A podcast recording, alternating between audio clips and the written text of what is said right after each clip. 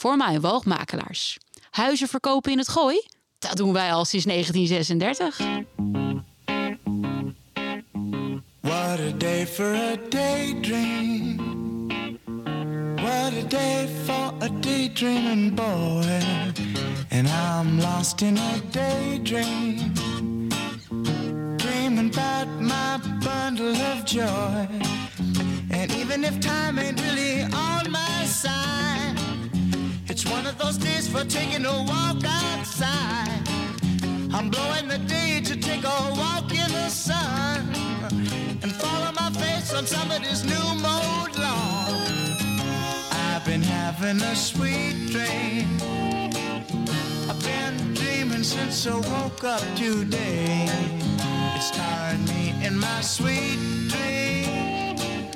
Cause she's the one makes me feel this way. Even if time is passing me by a lot, I couldn't care less about the dues you say I got. Tomorrow I'll pay the dues for dropping my load. A pie in the face for being a sleepy bulldog.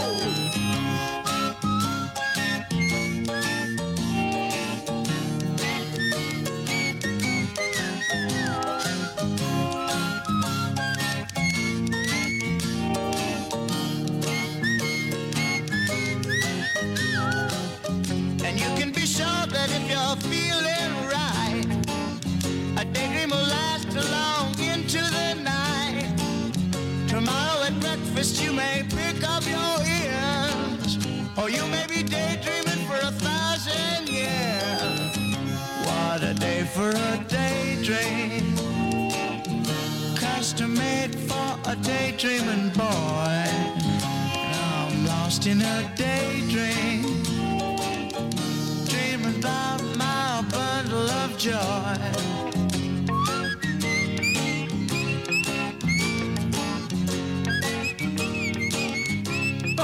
Kijk, ja.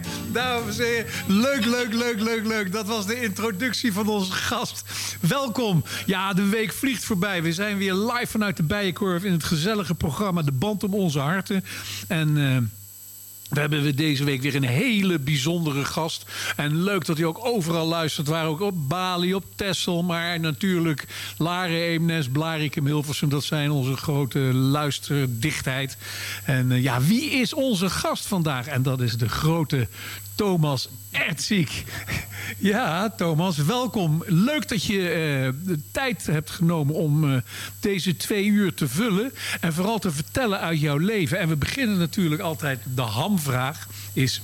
Vertel eens iets over Thomas Ertziek tussen je geboortejaar en tot je volwassen werd. En dat was in jouw generatie nog 21 jaar. Volwassen ben ik nooit geworden. Ach, dat klinkt ook goed. Thomas. Eh, nou, Bert, ehm, ja, 1943, toen, eh, toen gebeurde het allemaal. En eh, toen hebben we een deel van, eh, van mijn jeugd in Indonesië doorgebracht. Wat toen nog Indië heette.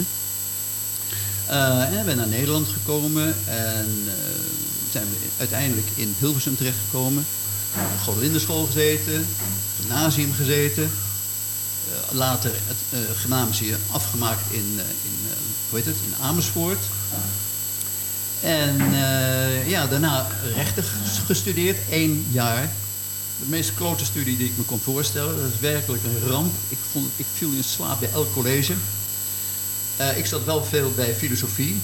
Eh, professor Oldeweld was toen een grote man en dat was hartstikke interessant. Dus ik, ik, daar, dat vond ik enig. Maar ja, daar betaalde mijn vader niet voor. Dus na een jaar ben ik uh, gesjeest. En eh, ja, toen werd ik een heel moeilijk kind voor mijn ouders. Van ja, wat moeten we met deze jongen aan? Maar dat is, allemaal, dat is in je studententijd, die leeftijd. Maar je zei even, je kwam, ben je in Indonesië geboren? Nee, nee, nee, nee. nee. nee ik ben uh, in Groningen geboren. Jou wel bekend, geloof ik. En toen uh, zijn we, ik geloof dat ik uh, drie was toen we naar Indonesië gingen. En de reden daarvan is? Dat mijn vader een baan kreeg bij de regeringsvoorlichtingsdienst. Daar werd hij hoofd van in Indonesië. Dus uh, ja, niet wetende dat het zo snel al voorbij zou zijn daar. En we hebben dan ook inderdaad die, die, die, die ellende meegemaakt van, van al die opstanden en die ploppers. En, uh, maar ik heb alleen maar hele fijne herinneringen uit die tijd. Wat oud was je toen je daar wegging? Toen was het was in, in even kijken. 49 die tijd, denk ik. Ja, ongeveer 48. Ja. En eh, ja, perfecte, hele fijne herinneringen aan. Maar goed, en toen eh, in het gymnasium Hilversum en de, dus eh, studeren. En toen kwam ik in Amsterdam, waar ik studeerde, in de Provo-tijd terecht. Eh, via mijn hele goede Larense vriend Hans Schook. Waarvan de oudere inwoners van Laren nog wel die, zijn vader kennen. Die was hoofd van de, hoe het, TBC-afdeling. Die had hier een hele grote TBC-kliniek. Goed, maar hij, eh, hij was de man van het rotje op het, eh, op het eh, huwelijk van Beatrix en, hoe heet die, Klaus? ik ben hem nou alweer vergeten. En die heeft mij gewoon geïntroduceerd in die Provo. En ik vond, ja, ik, waren opstandig tegen alles. En ik zat natuurlijk in Amsterdam, dus dat was nog opstandiger dan de rest van Nederland. Dus ik heb daar gewoon gezellig meegedraaid en knuppels in mijn nek gehad eh, vanuit motoren en zo, eh, schoonmaakacties. En, nou, gewoon een hele, hele gekke tijd. Toen ben ik, eh, toen ben ik, ja, wat- ik denk wat nu? Toen ben ik in de reclame terechtgekomen. Na je studie... eh, dat Nou, jaar- nou ja, na na één jaartje jaar proeven aan rechten. En ja, dat, die reclame, dat lag me meteen. Dat vond ik fantastisch. Ik vond het heel leuk, om, want ik hield van schrijven. En nou ja, als copywriter mocht ik een aantal proefopdrachten doen. En toen zeiden ze van, nou ja, je hebt al talent volgens ons... maar je moet helemaal opgeleid worden. En dat is gebeurd. Ze hebben me daar een interne opleiding gegeven bij Intermarco de Lamar, groot reclamebureau. En eh, ja, toen is het eigenlijk verder gaan hobbelen. Toen ben ik vandaar naar de filiaal in Brussel terechtgekomen van Intermarco. En toen ben ik vandaar in Londen terechtgekomen in de reclamewereld. En eh, toen dacht ik op een gegeven moment ging ik scheiden. Dat is even een rotperiode geweest. Even, even- voor wat, als je de reclamewereld gaat, heb ik altijd begrepen, heb je altijd de, de- de- drie mensen die daar werken. Hè? Ja. Dat zijn de zakenmensen die het eh, financiële doen. Dat zijn de creatievelingen. Ja. Eh, en, en, en zeg maar de PR-mensen die zorgen dat de klanten binnenkomen. Ja, En in welke categorie zat jij? ik zat in de creatieve mensen. Ja. En, eh, Bijvoorbeeld heel veel samengewerkt met Ilja Gort, om maar eens wat te noemen. Ilja de Pilja. ja, ja. Die ken jij ook of niet? Ilja Gort, dat is toch ja, dat is, een- dat is een gerenommeerde man die zich nu heel beroemd is met zijn wijnen, Met zijn wijnen, en ja. chateau. Als ik hem voorbij zie hobbelen op televisie, moet ik altijd verschrikkelijk lachen.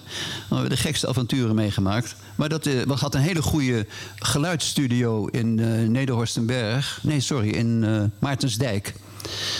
En eh, nou, daar, daar heb ik heel wat eh, spotjes opgenomen. Dat, dat is, eh, even kijken hoor, moet ik even... De volgorde klopt niet helemaal. Nee, maar dat geeft niet. Even wat misschien leuk is. Heb jij iets verzonnen wat nog steeds in het gehoor ligt? My god.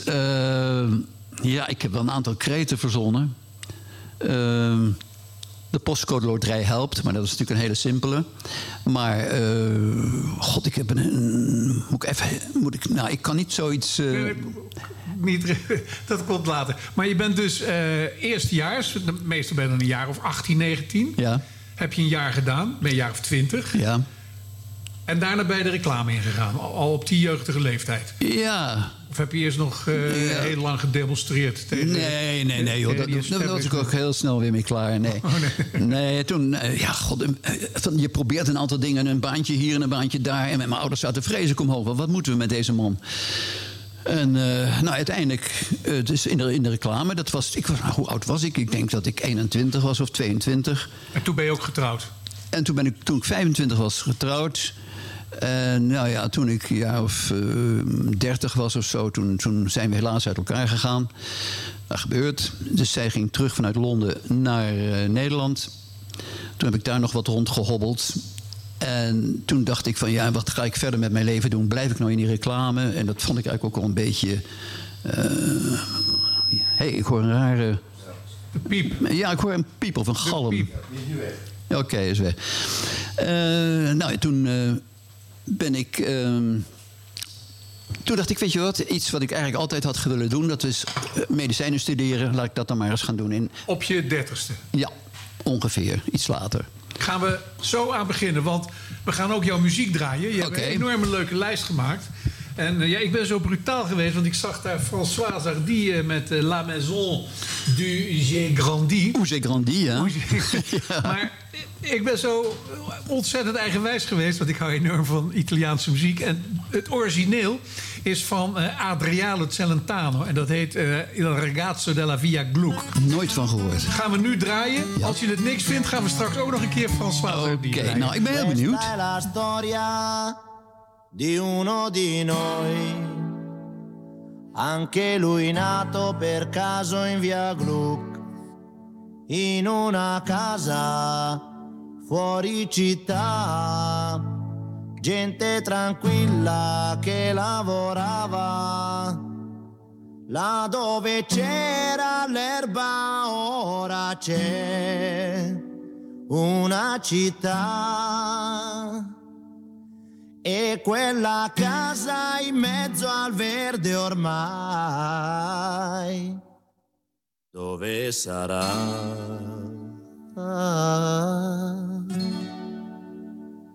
Questo ragazzo della via Gru si divertiva a giocare con me, ma un giorno disse vado in città e lo diceva mentre piangeva. Io gli domando amico non sei contento? Vai finalmente a stare in città, la troverai le cose che non hai avuto qui. Potrai lavarti in casa senza andare cortile.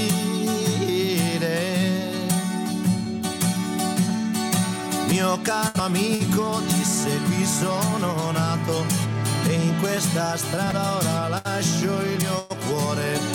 Ma come fai a non capire?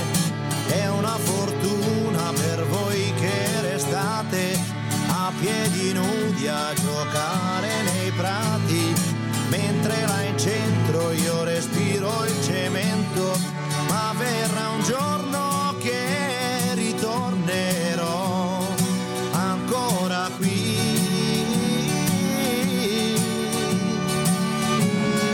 E sentirò l'amico treno che fischia così. Passano gli anni,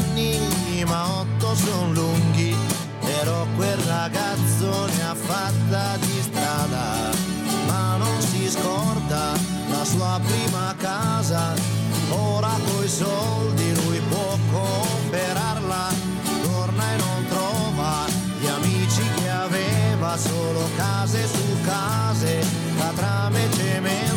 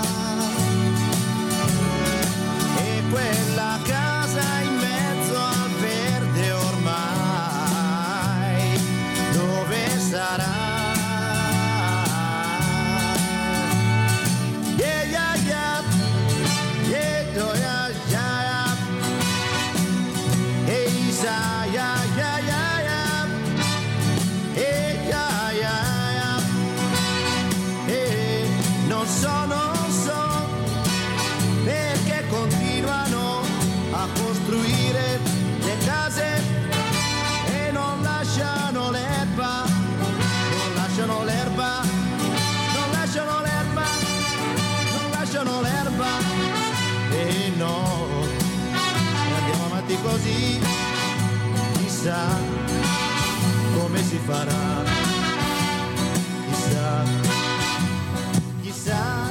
Via Gluck. Il seconda volta per dire il ragazzo della Via Gluck van Adriano Celentano. En dat is de origineel voor de, eh, ja, wat Thomas Ertzig, onze gast, in de band om onze harten, waar u naar luistert. En leuk dat u ook naar luistert, waar u ook bent. Eh, Thomas Ertzig heeft net even het verhaal verteld dat hij, eh, ja, hij is in Groningen geboren, toen naar Indonesië verhuisd, maar daarna weer terug in Nederland. Middelbare school, gymnasium gedaan, naar Amsterdam, rechten gedaan. Maar hij kwam erachter dat dat geen studie is, dat doe je. En daar is hij vooral de eh, colleges filosofie volgde die. Rolt in de reclamewereld en gaat daarna van Amsterdam naar Brussel, naar Londen. En eh, ja, nou, daar waren we een beetje blijven hangen. Je bent eh, in die tussentijd getrouwd geweest. Ja. Ook weer gescheiden. Dat, ja. ja, dat is heel normaal in die tijd. Hè. Dat, eh, had je nog- wel kinderen bij, eh, Ik heb zeker twee hele lieve, mooie dochters. bij, bij deze mevrouw? Bij, de, bij, ja, bij Ada, mijn, mijn ex. En ik heb een zoon van eh, mijn nieuwe partner. Ja, oh, nou, daar komen we straks Daar hè. komen we straks daar- op. Daar komen we straks nee, maar het is allemaal goed afgelopen, dus ik ben opnieuw getrouwd. Maar jij zit dus in die reclamewereld en daar maak je natuurlijk heel veel mee. Want ik lees altijd reclamewereld, nou, nou, nou, nou, dat is lang leven de lol. Ja. Hard werken, maar wel veel, Het was, veel plezier, ja, het veel was in- drinken. Dat klopt. Dat was in die tijd ook. Ja, ja. Het was. eh, ja, ja, wij waren natuurlijk een losgeslagen zooitje in de, in de structuur van een reclamebureau. Want wij moesten het geld in feite binnenbrengen. Kijk, zij konden de klanten wel eh, opsnorren. Maar als wij niet leuk, geen mooie dingen maakten, of leuke dingen, of opvallende dingen. dan waren die klanten zo weer vertrokken. Dus wij werden heel erg vrijgelaten. Zoals de voetballers tegenwoordig. Je, je, wordt helemaal gepamperd. We lagen gewoon op onze rug pijltjes te gooien. eh, in, eh, we deden. de- en Een harssigaret werd opgestoken. Dat, werd, dat, dat gebeurde allemaal in die tijd. Gewoon in dienstverband. En als je dan eens een keer een leuke inval kreeg, nou, dan ging je weer keihard werken. En dan werkte je soms dag en nacht door om het ook helemaal eh, leuk en rond te maken.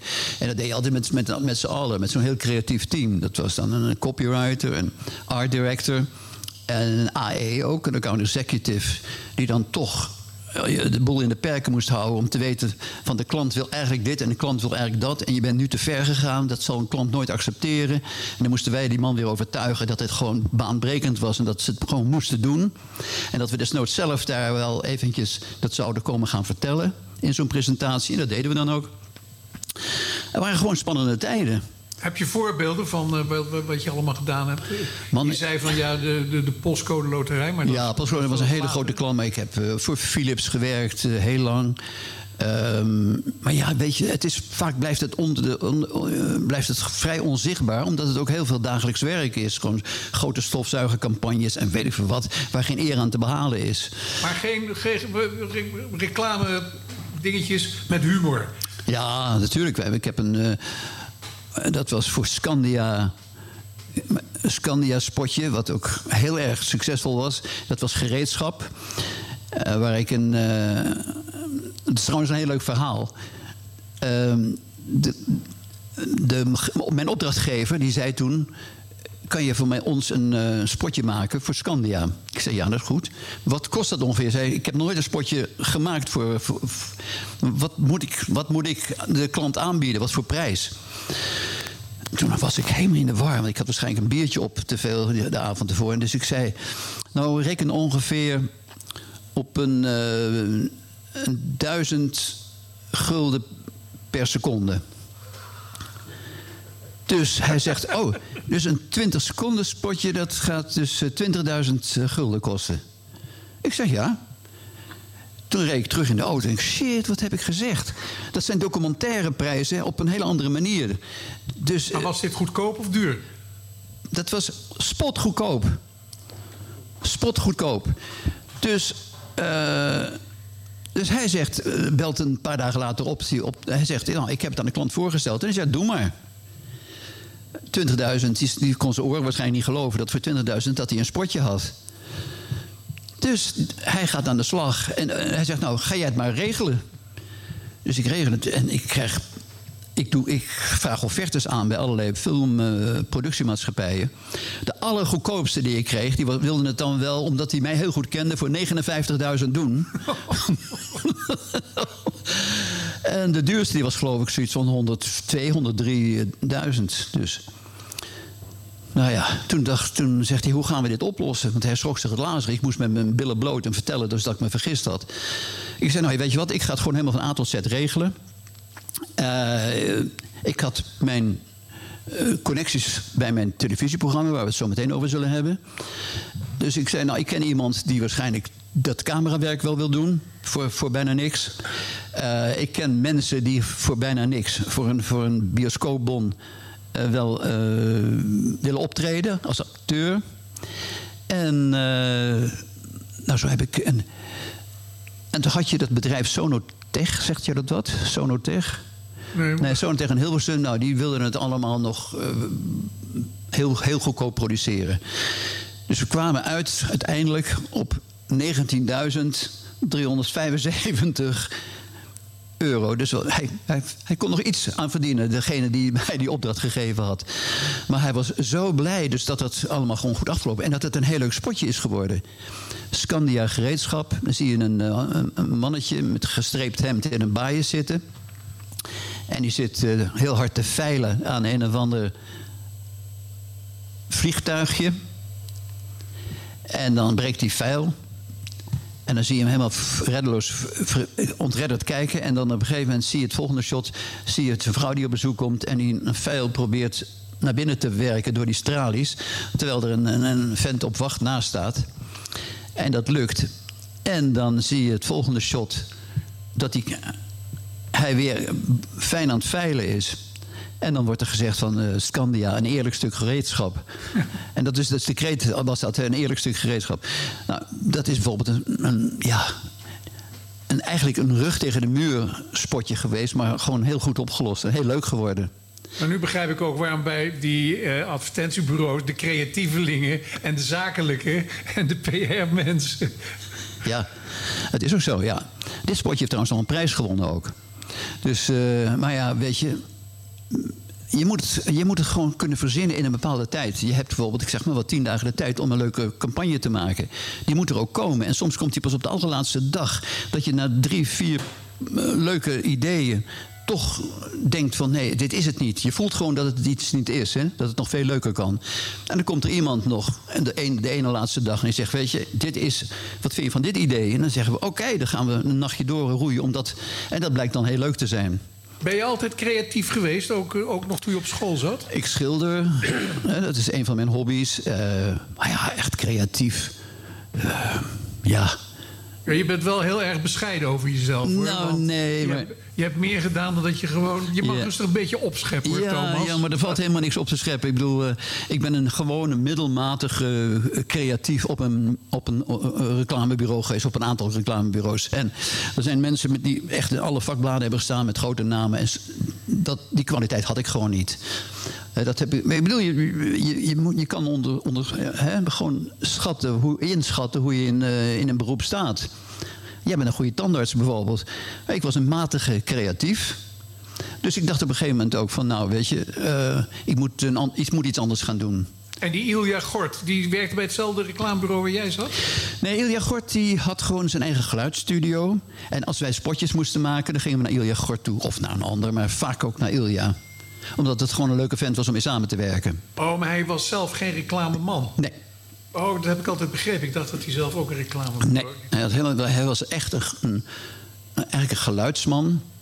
Die een heel goed gevoel voor stemmetjes had. Hij wist meteen van uh, dat spotje, daar moet je, moet je die en die voor nemen. Die heeft nou net datgene wat, wat we erin kunnen leggen, waardoor dat meer geloofwaardigheid krijgt, dat spotje. Dat deed hij heel goed. Heb je nog wel eens contact met hem? Uh, ik heb toevallig, nou ja, nee, tien jaar geleden voor het laatst dat, we, dat hij even over was. En toen was in Huis ter Duin. En uh, zijn nieuwe partner die hield daar een schilderij tentoonstelling. Want zij is, uh, zij is schilderes van food voornamelijk, allemaal voedsel. En uh, nou, toen, toen zagen we elkaar toevallig. Ik liep binnen en ik zag die schilderij. En ik keek naar die schilderij en ik hoor een bekende stem. En daar stond hij achter. Nou, toen vertelde hij van ja, ik ben gescheiden en ik ben inmiddels met, eh, met, met, met haar samen. En, maar verder heb ik helemaal geen contact meer met hem gehad. Ik moet je eerlijk zeggen dat ik er ook niet echt op zit te wachten. Omdat, ja, hoor je dit? Omdat hij op een lullige manier afscheid heeft genomen van zijn ex. Waar ik, die ik heel erg aardig vind en vond, want ze is inmiddels dood. En eh, ja, er zijn toen. eh, nou, eh, ik, vond het niet, ik vond niet prettig zoals dat uit, uit elkaar gegaan is. Ik vind dat hij haar niet goed behandeld heeft. En, maar dat is mijn persoonlijke. Ik, weet, ik heb natuurlijk nooit de ins en outs. Ik weet niet wat er allemaal gebeurd is. Maar daardoor is ook het contact wat stroever geworden. Dat gebeurt in het leven, Thomas. Heb ik ooit eens gelezen in de libellen. in de libellen. Jouw volgende plaat is, eh, wil je graag horen, Save the Last Dance. Van eh, specifiek Willy DeVille en eh, Bon Jovi. Heb je daar enige verhaal bij? Of zeg je, Nou, mijn dochter, dat is dat verhaal misschien een beetje. Mijn dochter die heeft een documentaire gemaakt over Willy DeVille. En ze heeft mij wel eens een keer meegenomen. En ik heb, wel die, ik heb de man gezien. Ik ben ook naar een paar van zijn concerten geweest. Hij was, ja, het was een, een hele fascinerende kerel, maar hij zag er niet uit. Hij was helemaal tandeloos door alle drugs. Eh, kon nauwelijks op zijn benen staan. Dronk zich helemaal slag in de ronde. Eh, Echt, want we, gingen dan even achter in de, in de kleedkamer... en dan had hij gewoon een fles wodka staan. En waar hij bij stond, zat hij zo een kwart van die flessen achterover te gieten. Hoe die kerel verder dan nog kon optreden... was voor mij een, een compleet raadsel. Maar eh, hij heeft toch ongelooflijke leuke liedjes gemaakt... en bijzondere uitvoeringen. Dus dit is er één van. en dat met Bon Jovi? Met Bon Jovi, met zo'n hele mooie gladde jongen, gladde stem. Eh, maar die is een beetje met hem gaan meezingen, ook dat heese geluid. En de combinatie is ongelooflijk leuk. Gaan we nu naar luisteren. Goed.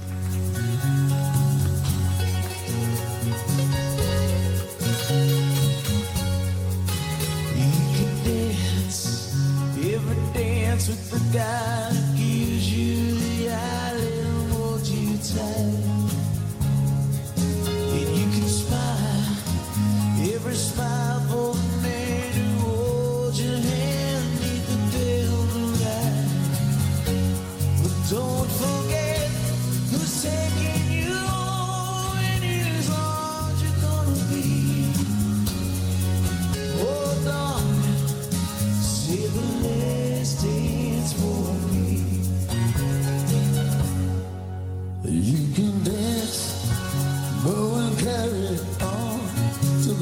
is gone. Go and have your fun, laugh and sing. But while we're apart, don't give your heart to just anyone. So don't forget who's taking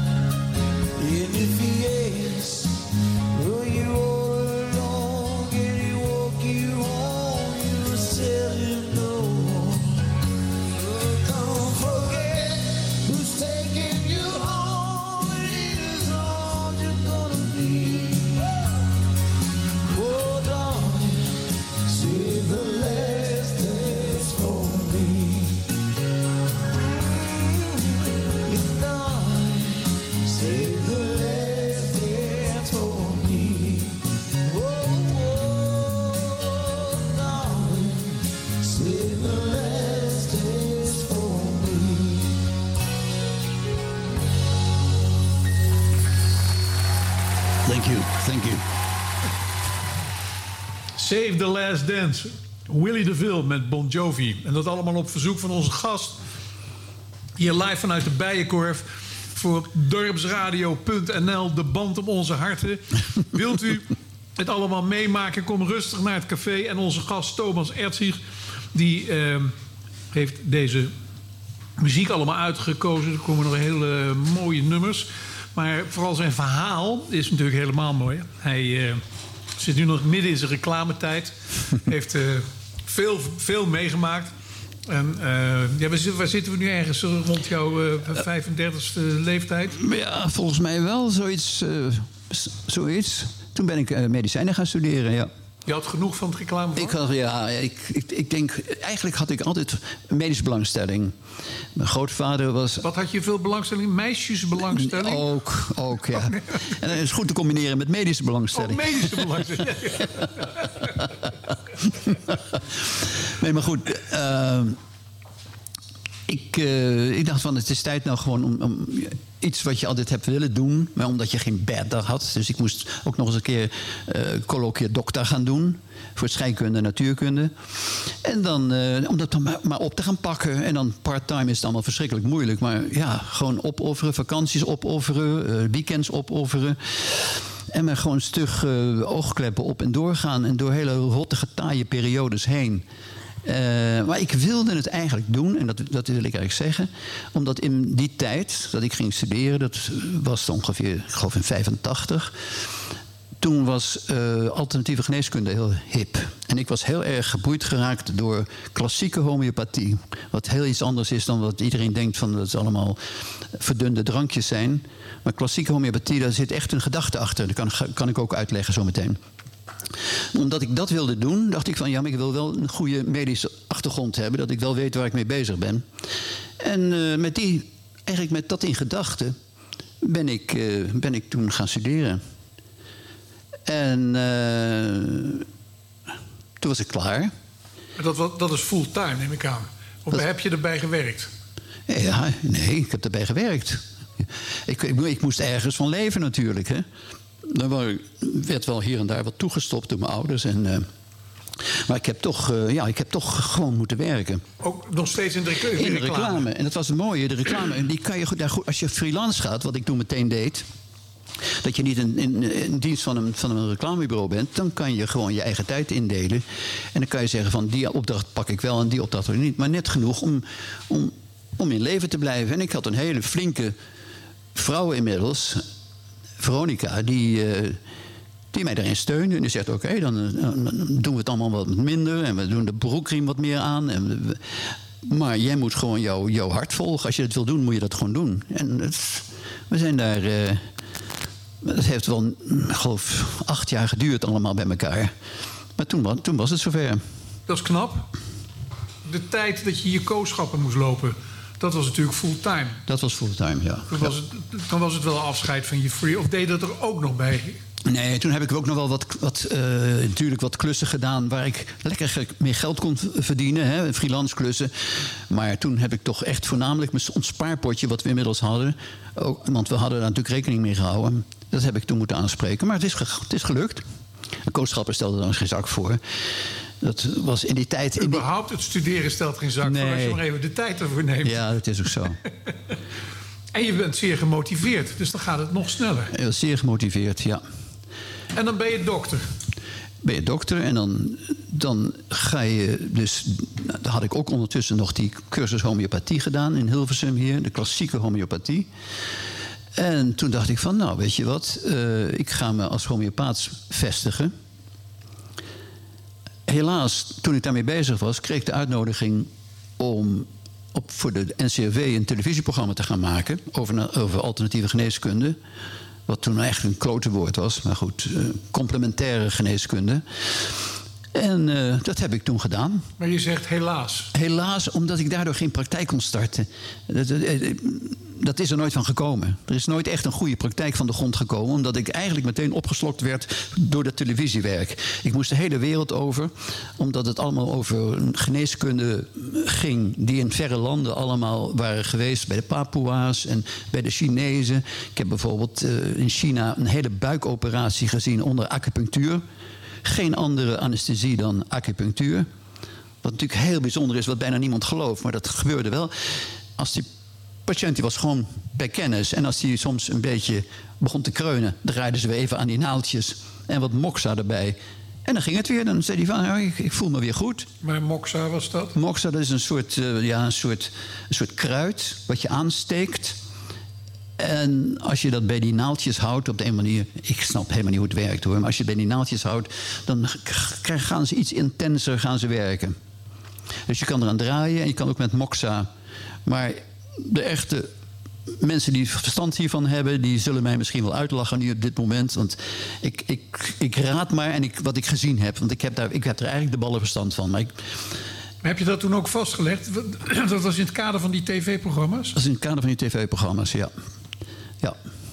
Dat heb ik toen eh, vastgelegd. Ik heb het niet mogen gebruiken van de NCRV. De NCRV zegt, oh, dit, dit is zo'n bizar verhaal...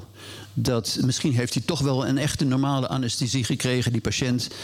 Eh, Wij, wij durven onze handen er niet aan te branden. Nou ja, ik, hebben het niet uitgezonden, maar ik heb het wel. Materiaal. Maar goed, de, de, de natuurgeneeswijze. Je uh, homeopathisch.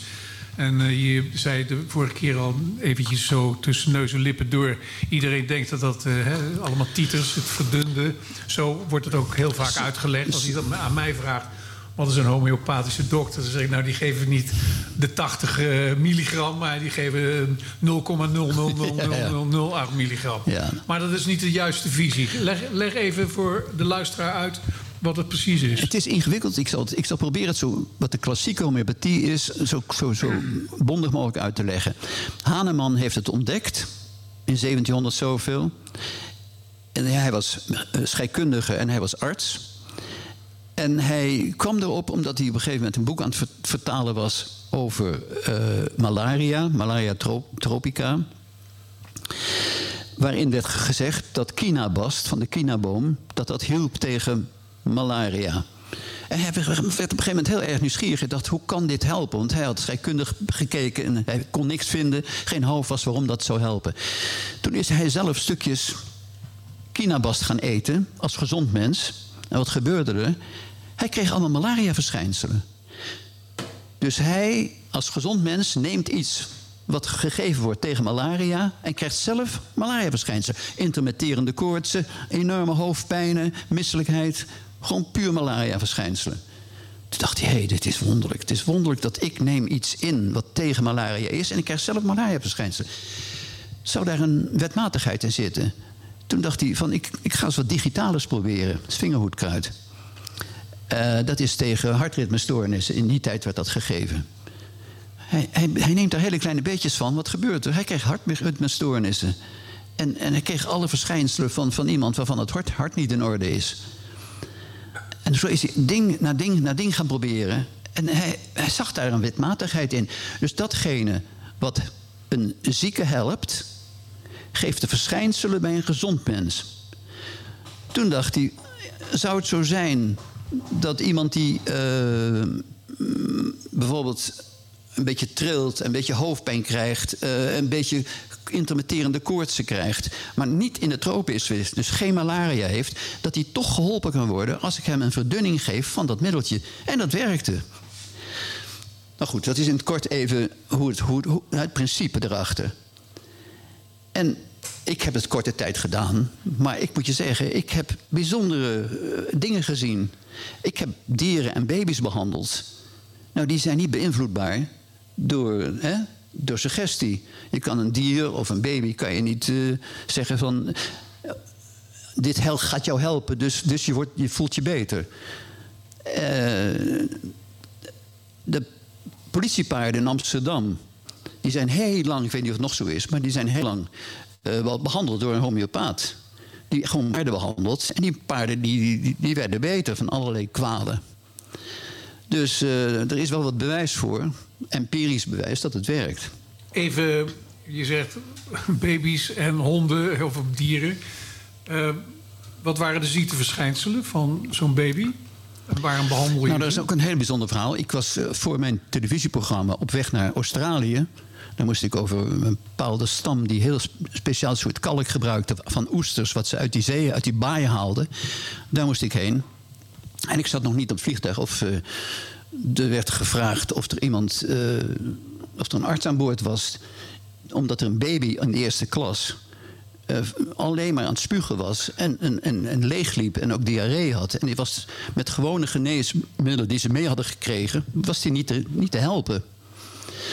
Dus, nou ja, ik dacht, ik ga een poging doen. Ik had mijn EHBO-kit, homeopathische middelen bij me. Ben naar de eerste klas gegaan. Hele aardige mensen. Nou, die baby die zag er niet uit werkelijk. Dat is helemaal... Die was, na dat periode dat hij helemaal opgezwollen en was hij helemaal wit geworden. Dus ik heb... eh, ze hield ook niks binnen. Het was een meisje, hield niks binnen, dus geen vocht. Dat was een hele korte tijdsperiode, want zo lang vlieg je niet. Nou, het was toen 22 uur vliegen naar Australië in die tijd. Dus eh, nee, het was ongeveer na een uur of zes dat ik erbij gehaald werd. Nou, ik heb toen een paar pilletjes van ik dacht... want je kijkt naar zo'n baby. Je kijkt naar, die, naar de verschijnselen. Wat voor kleur heeft zo'n baby? Eh, hoe, hoe, hoe, is de toon waarmee, waarmee ze krijst? Eh, al die dingen, die hou je... Je hoort ook verhalen van die ouders erover. Dus je laat je heel snel even informeren. En je hebt een klinische blik, je kijkt. Nou, had ik een pilletje toevallig bij want ik dacht van, dat moet, dat moet werken. Ik heb het gegeven. Onder de tong hebben ze het echt geprobeerd dat mondje een tijdje dicht te houden. Een half uurtje later Toen weer. werd ze blauw. Toen- Gelukkig niet groen. Maar ik heb een half uurtje later weer zo'n pilletje gegeven. En het, het hielp. Niet meer overgeven, niet meer diarree. En Het kind het zat heel vredig te, duimpje te zuigen. Het- Ik was zelf eigenlijk ook verbaasd. Zo, dat Maar zo, wat was hier het bijzondere aan? nou, het bijzondere aan is eh, dat. Dat, is op zich niet zo bijzonder. Ja, ik vond het fantastisch dat mijn, mijn, mijn therapietje werkte. Maar het mooiste was dat. er kwam een stewardess en die zei van. eh, God, u moet waarschijnlijk nog even een tijdje bij die baby blijven. Hè, om het nog even goed te, te volgen. Ik zeg ja, zeker. Nou, weet je wat? Er is nog een bed over. Ga er maar lekker. eh, Dus ik heb daar, joh, ik heb eerste klas. De rest, ik had na zes uur heb ik nog de rest van de tijd heb ik gewoon eerste klas gevlogen. En me laten bedienen met de lekkerste dingen en heerlijk geslapen.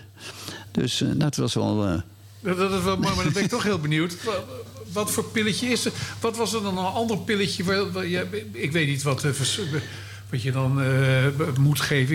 Ik, ik, normaal als ik dit zo hoor, was het een beetje aan het uitdrogen. En, Ja, je moet. Het is net zoals met die kinabast van. eh, van hoe heet die? Van, van Haneman. Dat je, je, je, geeft iets. Je ziet de verschijnselen. maar dit was een natuurproduct wat je hebt gegeven. Dat weet ik niet meer. Of het nou een. eh, het kan natuurlijk ook een mineraal geweest zijn. Van een stukje steen of wat dan ook. Eh, maar ik denk. Het was in ieder geval iets uit de natuur, ja, dat wel. Maar ik, bijvoorbeeld, het zou geweest kunnen zijn. eh, zeg maar wat. Een stukje brandnetel. Of, of, maar dan op. Daar is dan dus natuurlijk een aantal keren verdund en geschud. Maar, eh, op een manier heb je, je repertoriseert dat. Hè? Je, er is een dik boek, dat heet het repertori- repertorium. En daar zoek je in op de verschijnselen die zo'n kind heeft. Hoe is, de, hoe is de huidskleur? Hoe is het dit? Hoe is dat? Als je dat allemaal gevonden hebt, dan komt daar drie mogelijkheden eh, of zo, vier mogelijkheden rollen eruit. En dan moet je de enige goede mogelijkheid moet je zien te vinden. En dat is nogal weer een kwestie, want dan moet je weer nog fijner kijken dat je iets gemist. Want als je het verkeerde middel geeft, gebeurt er helemaal niks. Nee, Dan gebeurt er echt helemaal nul. maar dat is ook bij gewone Ja, medicijnen. natuurlijk. Het is- Ja, dus, en, maar als je het goede middel geeft, dan is het bang. Nou, dit was toevallig raak. Dus ik had, ik had ook een beetje geluk, moet ik eerlijk zeggen. Maar hoe kijkt de reguliere geneeskunst hier tegenaan? Die kijkt, er- die vindt het nog steeds eigenlijk on, ongeloofwaardig verhaal. Kijk, als ze het verhaal van Waan- Ha- Haneman lezen. dat deze man, wetenschapper, toch hierop terechtgekomen is. omdat hij die wetmatigheid zag. dan zeggen ze van god, er zit wel wat in. Maar waarom zijn al die verdunningen nodig? Dat wist Haneman zelf ook niet, waar die verdunningen voor nodig zijn. Het bleek gewoon dat hoe meer hij het verdunde en schudde. Hoe beter het werkte. Hij weet het zelf, hij is er nooit achter gekomen. Hij dacht aan de Brownse beweging, wat later de Brownse beweging hè, in de natuurkunde. Is- Ik, weet, ik snap ook precies niet hoe het werkt. Maar goed, in ieder geval, hij, de Brownse beweging dacht hij dat dat de, de reden was waarom het werkte. Maar eh, kijk, we praten nu over 1700, dat hij eh, dit allemaal zag. En we leven nu in de, de, de 21ste eeuw. Wordt er veel onderzoek naar gedaan op dit vlak? Nee. Nee. Ik geloof niet. Ze hebben, weet je wat de ellende is? Je kan geen dubbelblind eh, eh, random eh, proeven kan je hier niet opnemen. Het is een andere werking. Het, is, Ja. het kan alleen maar anekdotisch. Dus je kan gewoon alleen maar zeggen van... Want kijk, als je tien grieppatiënten hebt... dan gaan bijvoorbeeld die tien grieppatiënten... gaan, bijvoorbeeld met, met, gaan er zes van met allemaal verschillende middelen de deur uit. Omdat geen mens hetzelfde is. Een, een, een homeopaat eh, redeneert niet vanuit de ziekte en uit de griep... maar uit de verschijnselen die hij bij die mens ziet. ja. En dat is altijd één op één. Dus die gaan vaak met andere. Dus hoe kan je dit, hoe kan je dit ooit testen? Dubbelblind lukt niet. Nou ja, goed, dat is waarschijnlijk ook de reden dat de reguliere geneeskunde daar dan wat sceptisch tegenover staat. Want die zeggen alleen maar: wij geloven als er onderzoek is geweest. Ja. En niet eh, door, het, door, het klinische gebruik. Die gewoon zegt: je hoeft niet altijd alles maar te bewijzen dat het werkt. Nee, kijk, anekdotisch empirisch zou je kunnen zeggen van oké, we nemen eh, zoveel patiënten. En die, gaan wij, eh, die mag jij van ons behandelen. En dan gaan we kijken hoeveel succes eh, je hebt. Dat is natuurlijk ook een manier om het te doen. En daar zijn een aantal homeopaten heel goed mee weggekomen. Die mochten een aantal patiënten behandelen. En die, die, die waren symptoomvrij na een tijdje. Maar de moeilijkheid is natuurlijk wel, daar kunnen we het dan, eh, is dat eh, je soms op de grens zit van is het nou charlatanachtig Ja. met kruiden? Ja, is, Of is het echt wetenschappelijk en goed onderbouwd? dat is de ellende. Er zijn natuurlijk heel veel mensen hierop ingesprongen. En die hebben dan weekendcursussen gedaan. En die, die wilden alleen maar geld verdienen. En ja, die hebben de boel verpest ook. Hè. Die brengen er niks van terecht. Die, die gaan ook die filosofie hangen ze niet aan. Die gaan gewoon. eh, eh, het is meer fytotherapie, kruiden, kruidengeneeskunde. dan dat het homeopathie is. En dat is de ellende. Maar eh, kijk, waarom ik het verlaten heb, het pad. Verlaten? Ja, ja, ik doe, doe er helemaal niks meer mee. Omdat het zo verschrikkelijk bewerkelijk is. Het is ongelooflijk arbeidsintensief. Om één patiënt te helpen ben je soms een twee, drie uur aan het repertoriseren. Ja, jeetje, daar kan je geen praktijk meer opbouwen. Dus Het is ook een heel dik boek. het is een heel dik boek. Ja, ik heb het ook in de kast staan. Oh ja, oké. Maar gelukkig is de patiënt in dit liberale land ook nog steeds vrij om te kiezen wat ze willen. Ja. La liberté. La liberté. Ma liberté, longtemps je t'ai gardée comme une perle rare. Ma liberté, c'est toi qui m'as aidé à larguer les amarres. On allait n'importe où, on allait jusqu'au bout des chemins de fortune. On cueillait en rêvant une rose des vents sur un rayon de lune. Ma liberté devant tes volontés, ma vie était soumise.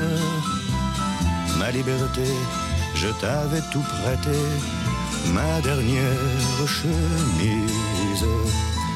Et combien j'ai souffert pour pouvoir satisfaire toutes tes exigences. J'ai changé de pays, j'ai perdu mes amis pour gagner ta confiance. Ma liberté, tu as su désarmer mes moindres habitudes. Ma liberté, toi qui m'as fait aimer, même la solitude.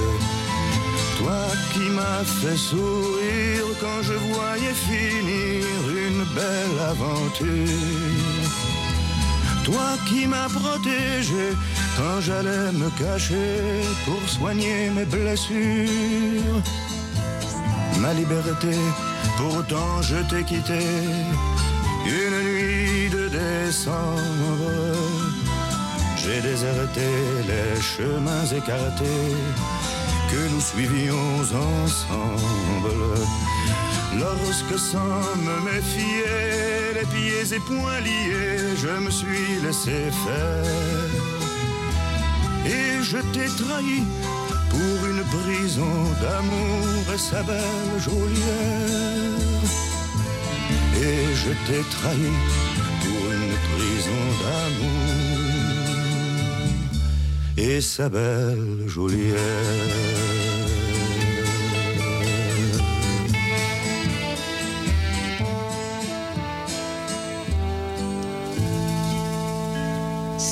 Serge Reggiani. Zeg ik dat goed, Thomas? Reggiani. Ja, Reggiani. De, de klemtoon eh, moet Omdat hij in. Frankrijk heeft gewoond. Ma liberté, ma Ja. liberté. En dat allemaal op verzoek van eh, Thomas Erzig, onze gast in dit leuke programma De Band om Onze Harten. Zo live vanuit de Bijenkorf. We zitten niet buiten, het is net te koud, maar we zitten heerlijk binnen.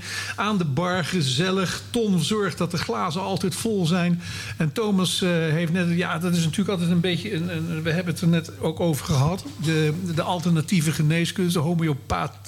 Hè, als homeopathisch arts, eh, maar iedereen mag zich homeopaat noemen, geloof ik, als ze dat boek in de kast hebben staan. Ja, joh. Dat is een- dat is- en, en het is, is- ik, ik kan u zeggen, luisteraars, dat is heel ingewikkeld. Dat is inderdaad ongelooflijk dun en eh, je moet alles bij elkaar zoeken. Ja. Maar ehm, ja, jij zei helaas dat je toen in die, in, als, als, als omroepdokter eh, hebt gewerkt, omdat je daardoor geen eigen praktijk hebt opgezet.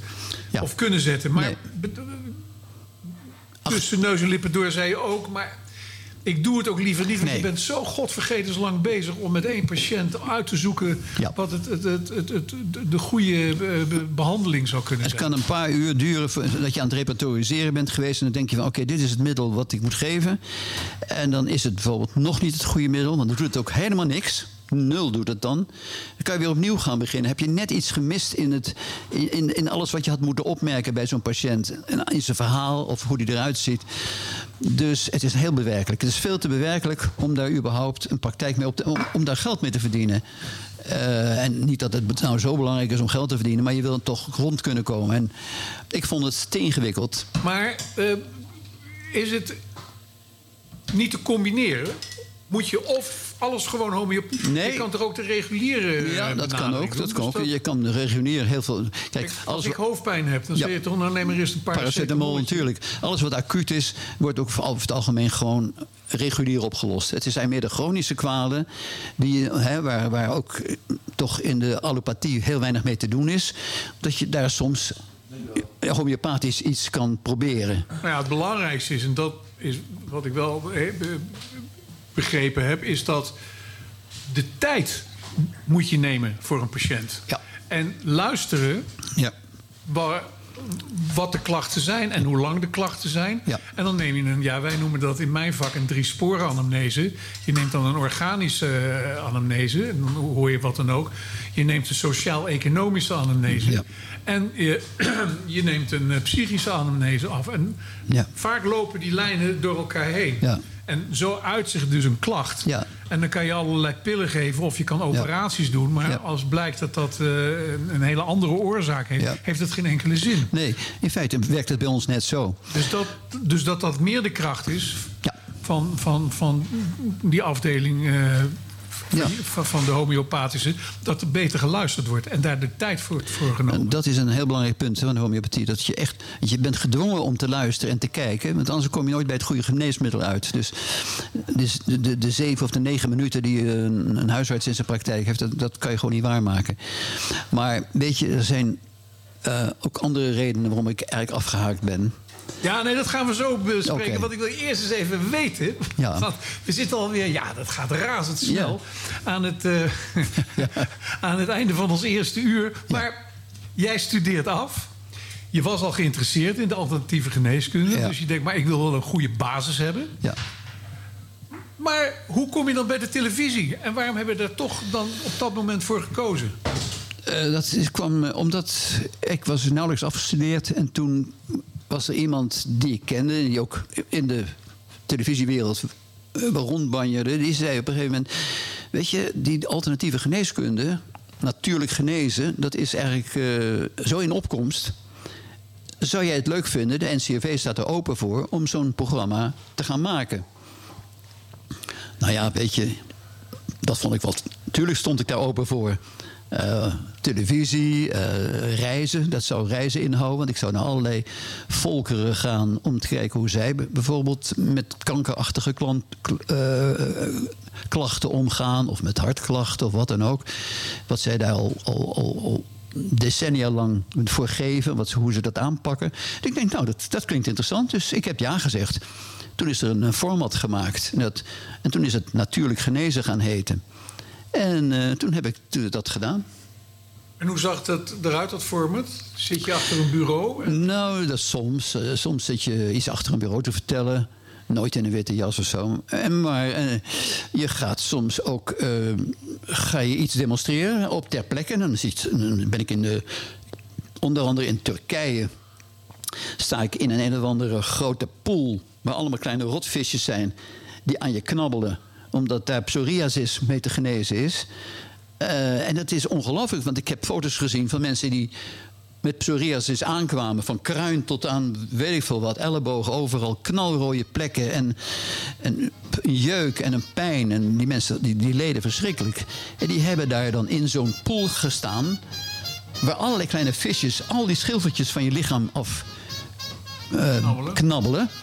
En ze denken dat het iets te maken heeft met het slijm, de samenstelling van de slijm van die visjes. En het feit dat ze dus eh, je schoonmaken. En de, de UV-straling. Gaan we het straks verder over hebben. Luisteraars, tot na de klok van drie uur.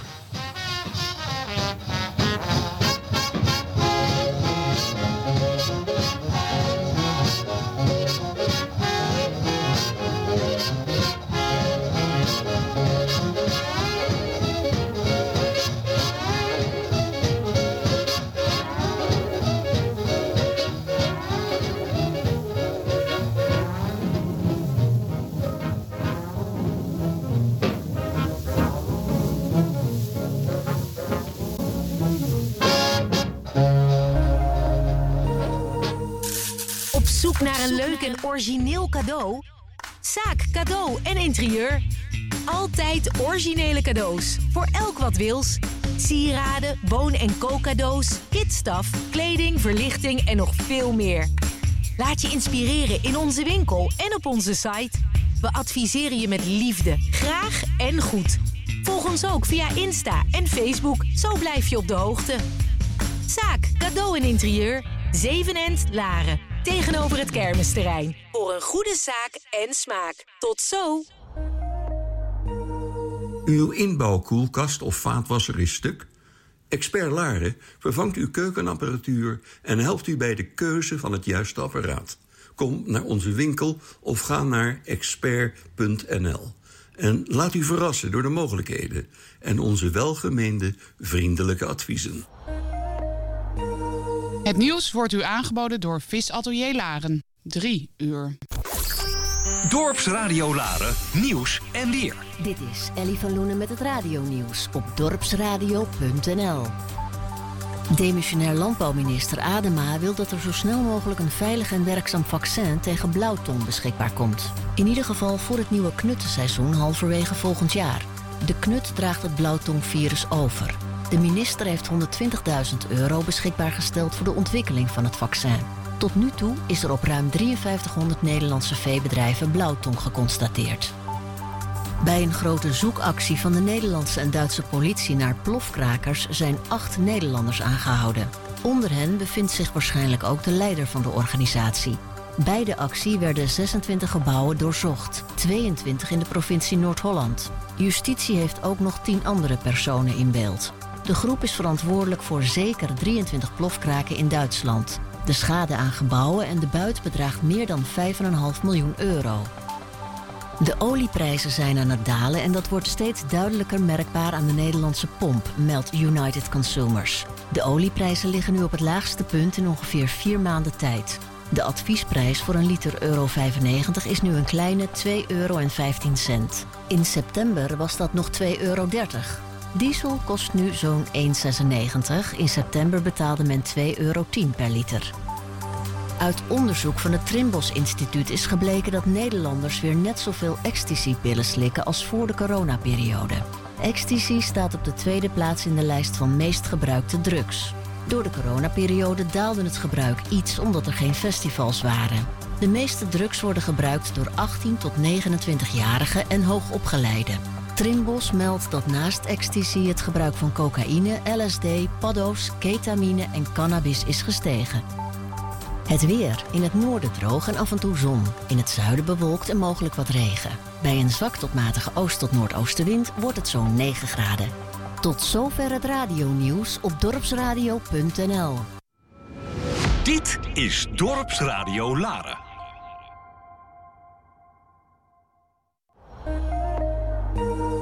Ik ben fit in 20 minuten per week. Kan dat? Jazeker, want ik train bij Fit 20 met de unieke Fit 20 trainingsmethode. Altijd met personal trainer en zonder te douchen of om te kleden ben ik fit in slechts 20 minuten per week. Ga voor een gratis kennismakingstraining naar fit20.nl.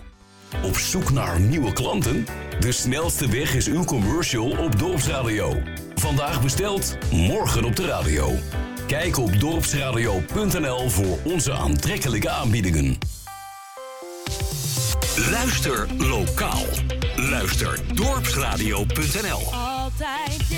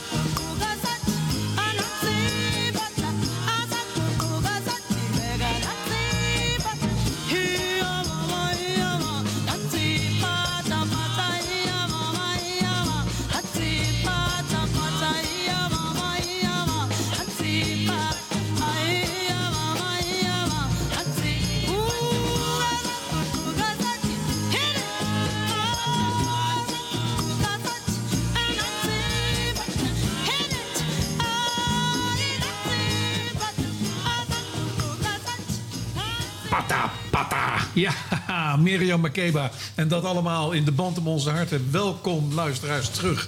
Eh, we zijn de klok van drie uur net gepasseerd. En het is eh, een vreselijk woord dat je dat zegt. De klok van drie uur. Dat, eh, Erik die zegt, ja, dat is voor de trolls. Nou, dat maakt mij geen reet uit. maar het is drie uur geweest. En we zijn tweede uur van de band om onze harten. Live vanuit de Bijenkorf. Heel gezellig. Thomas Ertsieg, onze gast. Hij is opgeklommen of neergedaald. Het is hoe je het bekijkt. Vanuit de enorme reclamewereld naar eh, de medische wereld. Ja, het zijn toch allemaal een beetje wespennesten waar je terecht komt. Of je nou reclames eh, maakt je concurrenten eromheen. Of je gaat een, eh, je wordt dokter en je doet het op jouw manier. En jij bent de, alter, ja, de alternatieve. Ja, toch wel een beetje. De, de niet-reguliere geneeskunst. Complementair. Gaan, eh, Complementair, ook een mooi woord. En eh, ja, voor jou net zeg je spijtig dat je niet je hele praktijk hebt kunnen opzetten vanwege je ambitie om eh, dokter van Zwol op te volgen. Hè? De- en dat heb je gedaan. Je hebt veel meegemaakt, denk ik, eh, als je wel veel aan roet bent geweest. Je eindigde met het verhaal over eh, de visjes die de... de, de, de zeg Turkije. Maar, de- de- nee, dat was in Turkije. Ja. En eh, waar, ze- waar ze zeg maar de psoriasis... eh, Ja. Hoe noemde jij het? Psories? Psoriasis. Psoriasis, toch? Ja, Ja, ja, nou nou, in ieder geval die huid... eh, dan ziet je dat ze Ja. daar zeg maar, die schilfertjes weghaalden. Waarop ik tegen jou zei... Maar dat heeft ook een beetje therapeutische werking. Want je wordt relaxed, je zit ontspannen. Ja. En het is natuurlijk... Mensen die psoriasis hebben... Ja, er zit ook wel een hele hoop w- psychopathologie achter. Dat zijn- Waarschijnlijk wel, ja, zijn, zeker. ja. maar wat heb je dan allemaal zo onderweg meegemaakt? Oh, Niet beginnen te huilen hoor. nee, nee. heb, ik al, heb ik het al gehad over die buikoperatie of niet? In, eh, in China? Ja, die zonder anesthesie. Alleen Ja. maar met de acupunctuur ja, halen. ja, ja, dat, dat heb ik al. eh, Ja, nou, dat mocht je niet eh, uitzenden van de NCRV, want die dachten misschien zat Nee. ze toch die- wel onder gas. Ja, precies. Die dachten van, god, dat kan bijna niet waar zijn... dat alleen met acupunctuur... dat je zo'n dergelijke aan, eh, verdoving krijgt. Want Dus, we praten over de jaren negentig van de vorige eeuw. ja, klopt. Ja, dat is, dus eh, die zeiden van, nee, dat is ons te touchy, dat onderwerp. eh, laten we dat maar niet doen. Maar goed, ik heb het met eigen ogen gezien... dat een, iemand met een buikoperatie in China, in Shanghai... op de traditionele manier dus werd geopereerd. Met alleen maar, ik zeg maar wat, negen naaldjes... die zo nu en dan eventjes bijgedraaid werden... of met een beetje moxa. En eh, ja, dit was voor mij een eye-opener. Ik heb niet kunnen constateren of er ook nog een, een, laten we zeggen, een, een chemische anesthesie bij te pas, aan te pas is gekomen. Ze beweerden van niet. Ze zeiden gewoon: nee, dat doen, dat doen we helemaal niet. We doen alleen maar met naalden. Bijzonder. ben je zelf een beetje de acupunctuur ingegaan? Nee, helemaal niet. Ik heb het wel een keer eh, voor knieën die het niet meer goed deden en nog steeds niet goed doen. Eh, dus met andere woorden, het heeft niet geholpen. Je Heb ik het... zelf eh, aan de gang gegaan. Nee, nee, ik heb het laten doen. Oh. Nee, nee, ik heb zelf nooit één naald gezet, joh. Ik weet er, ik weet er in feite heel weinig van. Dus eigenlijk de klassieke homeopathie is het enige waar ik iets van weet eh, in, de, in de complementaire geneeskunde, maar al die andere dingen. En toen ik dat televisieprogramma kreeg. Toen heb ik zoveel nonsens en flauwekul gezien. Mensen die met allerlei dingen aankwamen. van dat zou zogenaamd kanker genezen. en dit zou zogenaamd reuma genezen dat ik eh, steeds harder hoofd in het hele verhaal kreeg. En dacht van oké, ik maak deze rit af. Van al die, van, en zolang het nog leuk blijft, zolang de NCV nog met me wil werken. Maar ik ga daarna ga ik dat complementaire verhaal gewoon verlaten. En eh, ja, ga ik me toch weer richten gewoon op de gewone allopathische geneeskunde. En toen ben je toch een praktijk begonnen. Nee. Nee, ik ben geen praktijk begonnen. En dat kwam in feite omdat ik eh, vanuit de reclame nog allerlei schrijfopdrachten kreeg.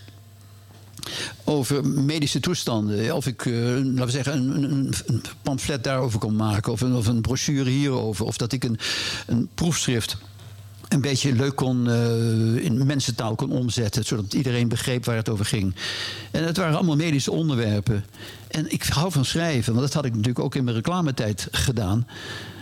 Dus ik eh, heb dat aangenomen. En ik heb er eigenlijk heel veel plezier in gehad. En ik heb daar eerlijk gezegd behoorlijk geld mee verdiend. Want er zijn niet zo gek veel schrijvende artsen in Nederland. Dus eh, dat is mijn stil geworden. En ik dacht, weet je wat, laat die, ik ben toch te oud, joh. Ik ga geen praktijk meer opzetten. Ik doe het allemaal niet meer. En eh, En doe je dat nog steeds? Nou, heel enkel keer, maar eigenlijk bijna niet meer, joh. En ik word ook niet meer gevraagd. Iemand van 80 wordt niet meer gevraagd. Thomas, je ziet eruit als een jonge god. Dus uh, houd toch op, man, over de 80. Maar eh, heb je zelf boeken geschreven? Nee, ja, goed, voor die televisie eh, was ik verplicht. Had ik een contractje met de NCV dat ik een boekje moest. voor elke, eh, elke serie uitzendingen een boekje moest maken. Dat heb ik gedaan met hulp van anderen. En. eh, Bestsellers? Nou, eh, ik moet zeggen, het eerste boekje, daar heeft er 60.000 van verkocht. Dat is veel. En dat vonden ze heel veel. Ik moet, mijn uitzendingen die hadden ook altijd tussen de 700.000 en 850.000 kijkers. Dus ik bedoel, het was vrij, werd vrij intensief bekeken voor die tijd. Eh, Ja, nu nog steeds. ja, is het nog steeds? Ik heb geen idee. Toen was het alleen wereld 1, 2, 3. Dan was het heel weinig. Ja, nou nee, het was, het, was toen, het was toen al vrij veel. Want elke keer was die, die Stef Boers, die bij, aan, het hoofd stond bij de NCW, was altijd weer handen wrijvend, kwam weer op me af van dit gaat goed. En de laatste hebben we toen een andere regisseur voor genomen. En die wilde het allemaal wat meer poppy aanpakken. En ik moest dan eh, met spijkerbroekie op een rotspunt in eh, weet ik veel wat gaan staan in Algarve. En dan weer dan. En dat is niet aangeslagen. Dat is, eh, toen zeiden mensen van ja, dit wordt zo'n ongeloofwaardig verhaal. En het wordt zo poppy gebracht. Dus toen heeft het een natuurlijke dood gestorven. Toen had NCRV ook gezegd van laten we hem maar stoppen. En nu gaan we toch, ja, het wordt toch een beetje boulevard. Maar jij bent getrouwd geweest. Ja. Toen ben je gescheiden. Ja. Heb je twee dochters bij die eh, Ja. eh, vrouw. En eh, daarna ben je weer. Ben je getrouwd met Veronica? Ik ben getrouwd met? Veronica, ja.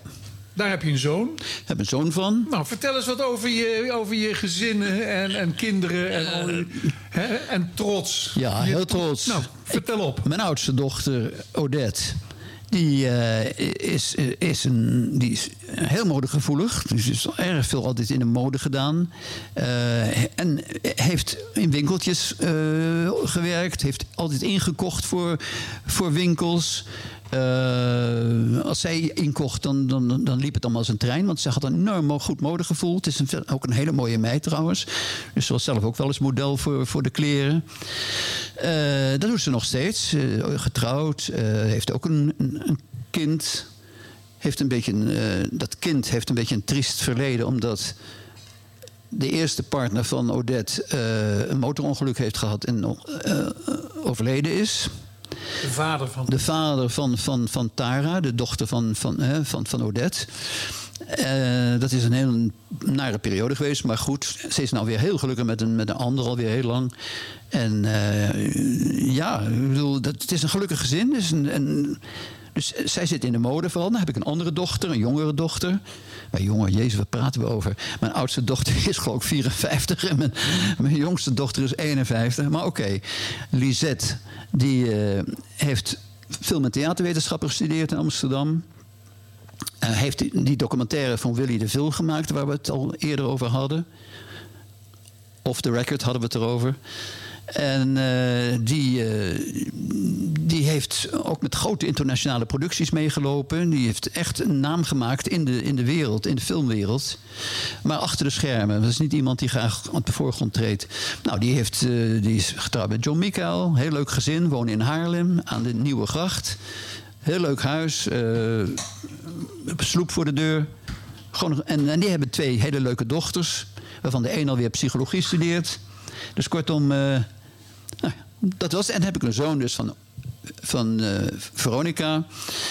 En die, dat, die heeft heel pech gehad met zijn gezondheid. Die heeft op zijn elfde mm, SLE gekregen, lupus. Een hele nare rotziekte. Een broertje van, van reuma. En eh, heeft, tien jaar, heeft eigenlijk tien jaar een beetje in en uit het ziekenhuis eh, geleefd. Hij zat in de vierde klas van het gymnasium toen het echt niet meer te doen was. Toen heeft hij vanuit zijn ziekenhuisbed heeft hij alsnog eh, een eh, HAVO-examen gedaan, wat ik heel knap vond. En eh, die is uiteindelijk in de, in de autowereld terechtgekomen. Bij dealers gewerkt. En heeft nu zijn eigen garage. En die is helemaal. ja, die is heel praktisch ingesteld. Was op het gymnasium eigenlijk ook helemaal niet op zijn plek. Hoewel hij 8 en 9 haalde.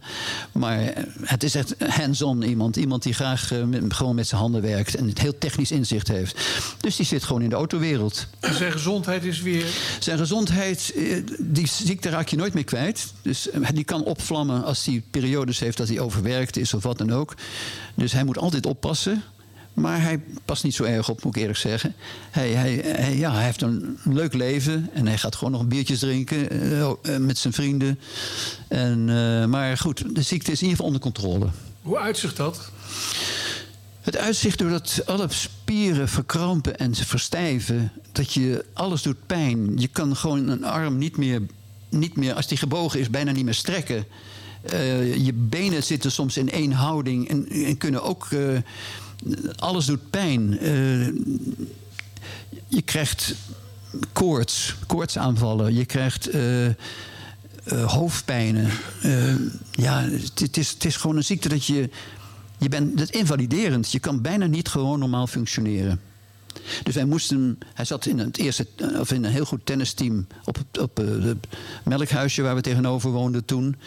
Wij moesten hem, als er wedstrijden waren waar hij zelf niet meer aan mee kon doen, moesten hem gewoon in een soort kramphouding, moest ik hem op mijn, op mijn rug nemen en naar, naar de tennisbaan brengen. En dan kon hij daar in een stoel gehezen worden. En het gebeurde allemaal 15, 16, 17 jaar. Ja, dan wil je andere dingen dan alleen maar invalide zijn. En godzijdank hebben we een paar hele goede specialisten heeft hij gehad. In, eh, in, het, eh, in het Antonius in Nieuwegein. En die hebben hem zodanig behandeld en begeleid... dat het op een gegeven moment goed met hem ging. En ze hebben precies het juiste middel gevonden. Wat op een gegeven moment, toen hij de ziekte kreeg... nog niet voorhand voorhanden was, maar later wel. En leeft nu een zelfstandig leven? Hij, leeft- hij- ja, hij, heeft een, hij is getrouwd, hij heeft twee kinderen. Ook? Ja.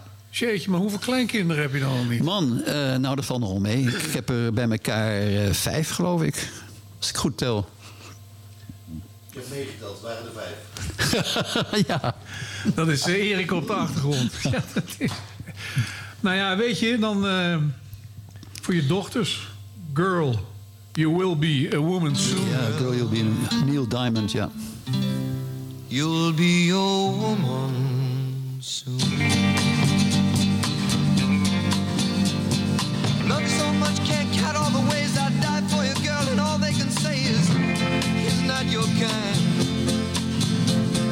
They never get tired of putting me down, and I never know when I come around I'm gonna find.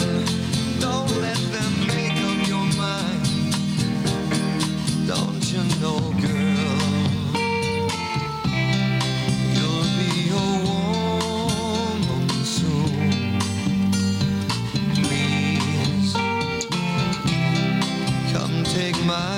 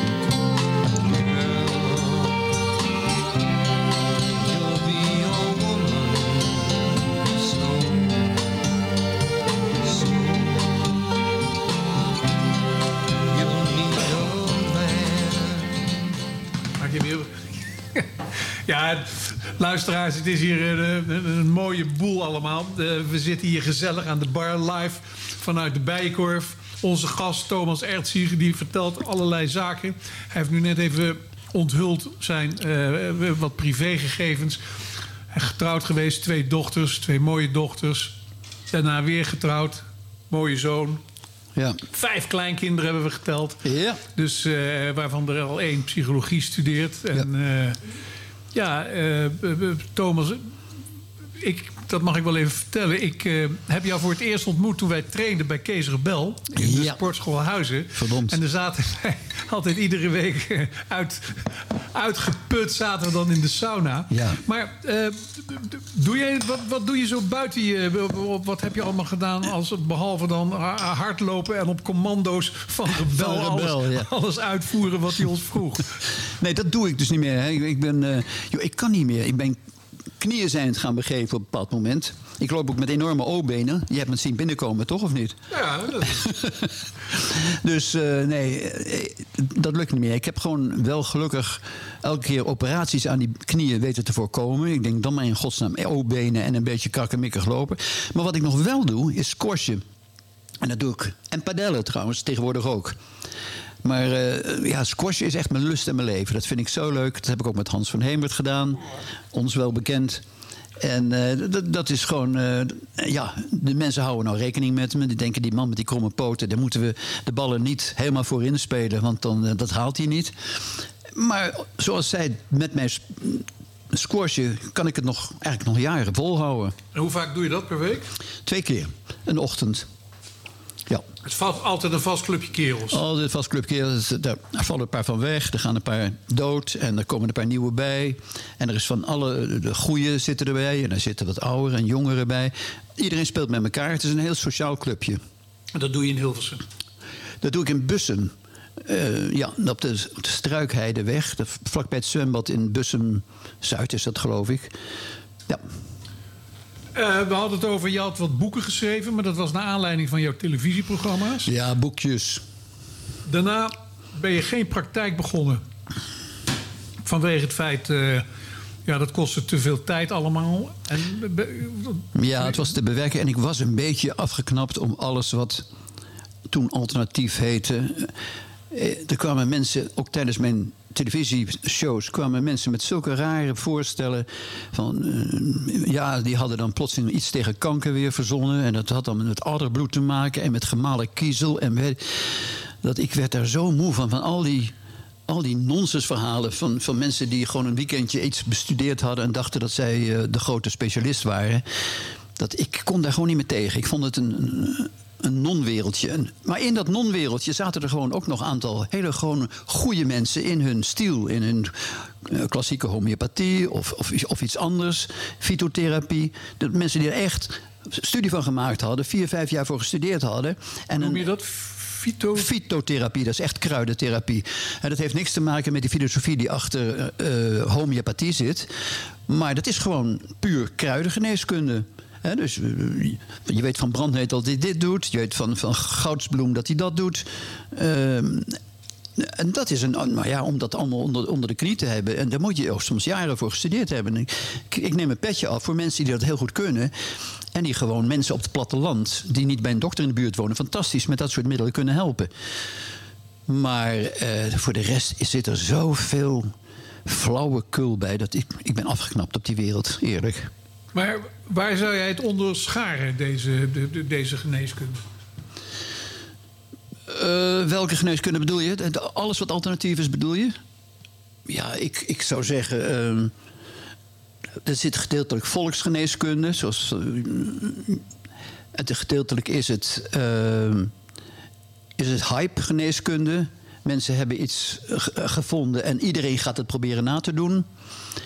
Eh, en er zijn een aantal dingen dus die gewoon ja, iets serieuzer zijn. Zoals wat ik net zei, fytotherapie, klassieke homeopathie. En voor pijnbestrijding eh, de naaldjes. Dus er zijn een aantal dingen waarvan ik zeg van dat... Ja, dat is complementair. Precies het woord zegt het al, aanvullend. Je gaat met acute dingen ga je het allopathisch ga je het behandelen. Gewoon vol- volgens de reguliere geneeskunde zijn de dingen chronisch of kom je er niet goed uit of komt er niemand goed uit, ja, dan kan je je toevlucht nemen tot die oude volksgeneeskunde. En vind je eh, de aandacht die het nu krijgt, of eh, überhaupt niet krijgt, denk ik. Je ziet nog wel eens een huisarts bij zo'n tafel aanschuiven bij eh, Omroep Max en al die dingen meer. Ja. Hoe, hoe kijk jij daarna naar de PR-matigheid? Of als je nu kijkt naar de documentaire van, eh, hoe heet die man, Ruben Terlouw. Ja. collega Terlouw... die nu als dokter de wereld omgaat om naar dit soort zaken... Je hebt mij die tip gegeven. Ik moet zijn programma nog bekijken. Eh, het klink, klonk heel erg eh, interessant wat je zei. Ik heb het dus nog niet gezien. Maar eh, ja, hij heeft misschien hetzelfde gedaan wat ik ooit gedaan heb. Eh, Kijken wat er interessant is en wat er bruikbaar is uit andere culturen. En, en ook zeggen van ja, die, andere culturen zijn zo anders, die leven zo anders. Dus het zal in ons, in ons eh, klimaat nooit, of eh, onze cultuur nooit kunnen. Maar er zijn ook dingen waarvan je zegt, ja, die kunnen we overnemen. Waarom niet? Ik bedoel, eh, dus ik vind dat, ik heb dat zelf heel interessant gevonden om alles te zien over de hele wereld van allerlei volkeren, hoe die bezig zijn met hun, met hun gezondheid. Alleen van het meeste heb ik gewoon moeten, moeten constateren, wat ik net zei, dat het eh, niet bij ons past, niet bij onze westerse manier van leven past. Die zijn, die zijn soms ook te, te arbeidsintensief, of je moet daar een zekere rust voor hebben, of je moet er een rust voor nemen. En dat doen wij niet hier. Dus je kan wel een therapie voorschrijven en zeggen van, joh, je moet, eh, je moet heel rustig dit doen, of je moet heel rustig dat doen. En eens in de zoveel tijd moet je zus. En dan moet je je gedachten op een andere manier eh, invullen. En, maar dan, daar zijn wij te gejaagd voor en niemand houdt zich eraan. Dat is ook zoiets.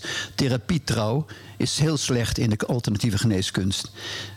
Dat is onze westerse instelling. Als het niet meteen helpt, dan verlaten ze het. Het moet of echt binnen vier, vijf dagen werken.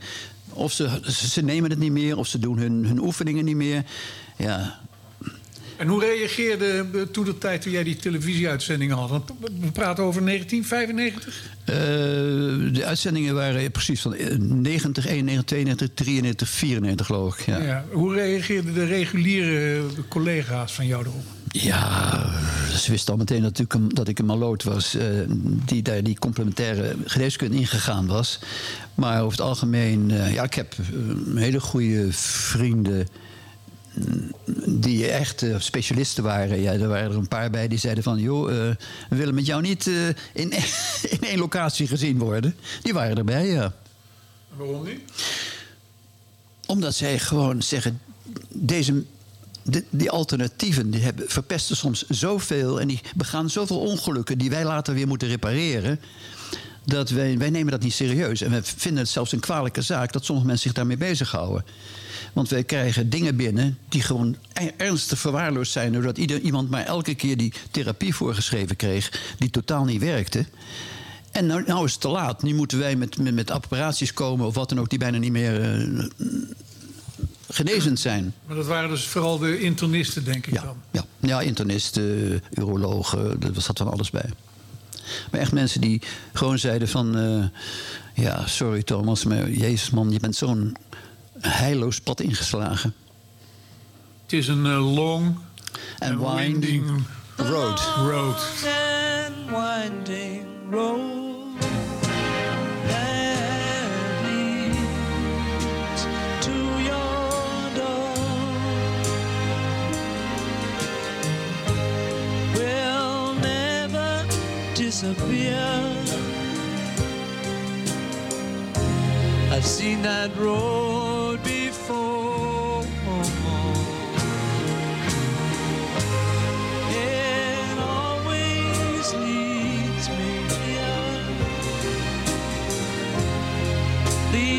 to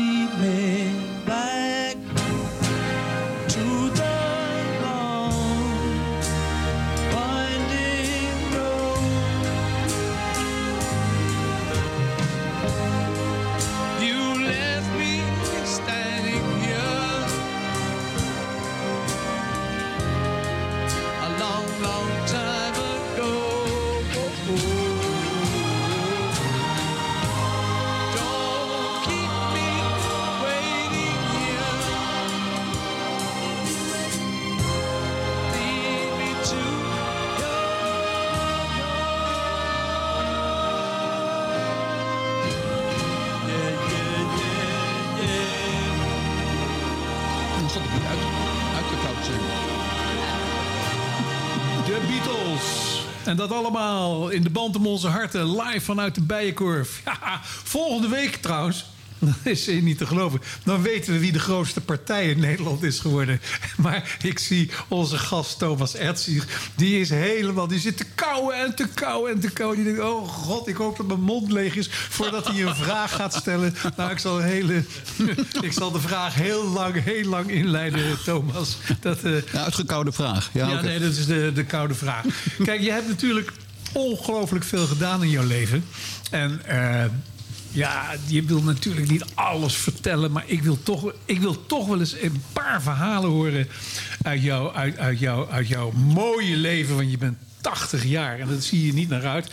Maar je hebt natuurlijk een hele hoop dingen gedaan die niet of wel of nauwelijks door de beugel konden. En eh, waar je denkt van ja, moet ik dat nou allemaal wel vertellen? Dat ga ik ook niet vertellen. Nee, maar, maar, maar vertel eens een paar, b- b- iets leuks wat je zegt. Nou, dat, als ik daaraan terugdenk, eh, b- b- met je vriend van Hemert of met, met, Gort, iedereen kent. Maar je hebt, jij hebt dingen meegemaakt, Thomas, die wij ook wel eens even met jou willen delen.